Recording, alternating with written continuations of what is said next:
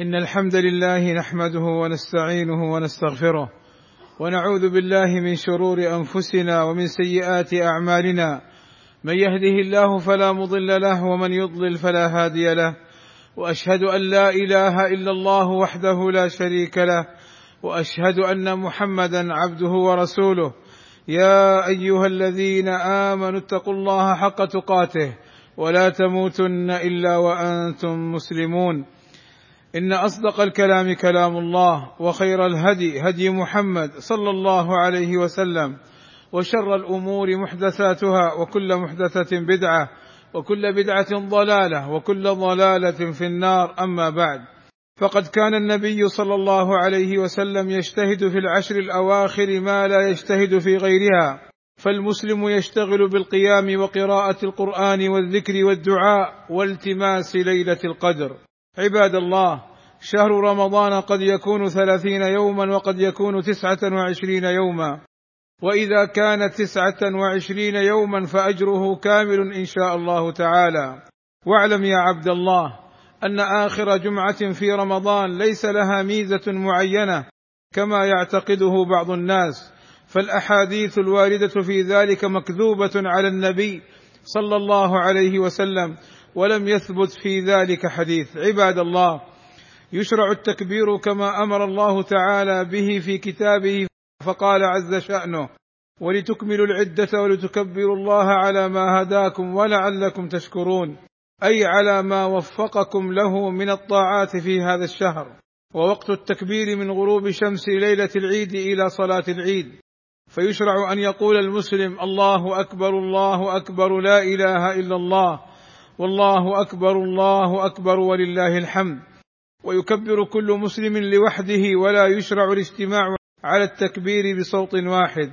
وبانتهاء شهر رمضان تشرع زكاة الفطر. وهي فرض على الصغير والكبير والذكر والأنثى.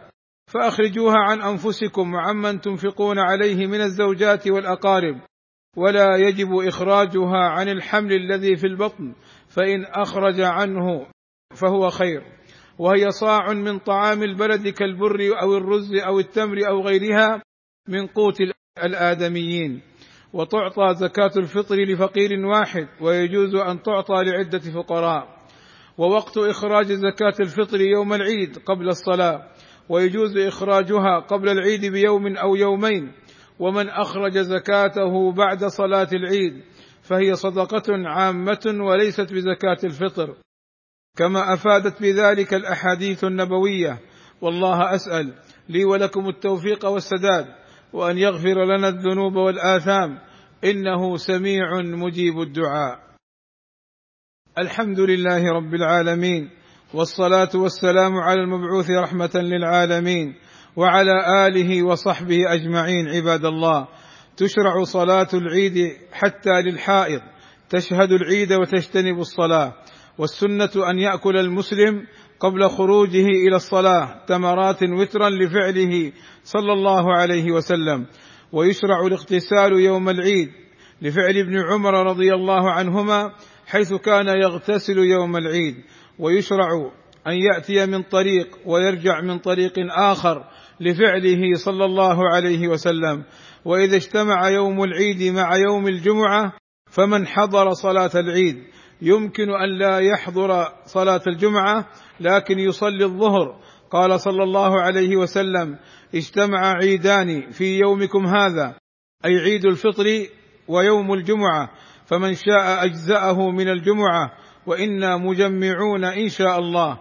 فاحرصوا على أداء زكاة الفطر وعلى الاقتداء بالسنن الواردة عن النبي صلى الله عليه وسلم وعلى فعل الخيرات. واجتناب السيئات والمعاصي والمنكرات. عباد الله إن الله وملائكته يصلون على النبي. يا أيها الذين آمنوا صلوا عليه وسلموا تسليما. فاللهم صل على محمد وأزواجه وذريته كما صليت على آل إبراهيم. وبارك على محمد وأزواجه وذريته كما باركت على آل إبراهيم إنك حميد مجيد. وارض اللهم عن الخلفاء الراشدين. أبي بكر وعمر وعثمان وعلي وعن جميع أصحاب النبي صلى الله عليه وسلم والتابعين لهم بإحسان وعنا معهم بمنك وكرمك يا أكرم الأكرمين. اللهم آتنا في الدنيا حسنة وفي الآخرة حسنة وقنا عذاب النار. اللهم فرج همومنا واكشف كروبنا ويسر أمورنا.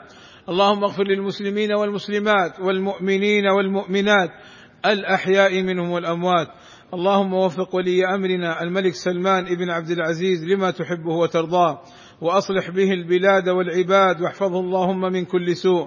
ووفق ولي عهده الأمير محمد بن سلمان إلى كل خير واحفظه من كل سوء. اللهم أيدهما بتأييدك ووفقهما بتوفيقك وأعز بهما الإسلام والمسلمين.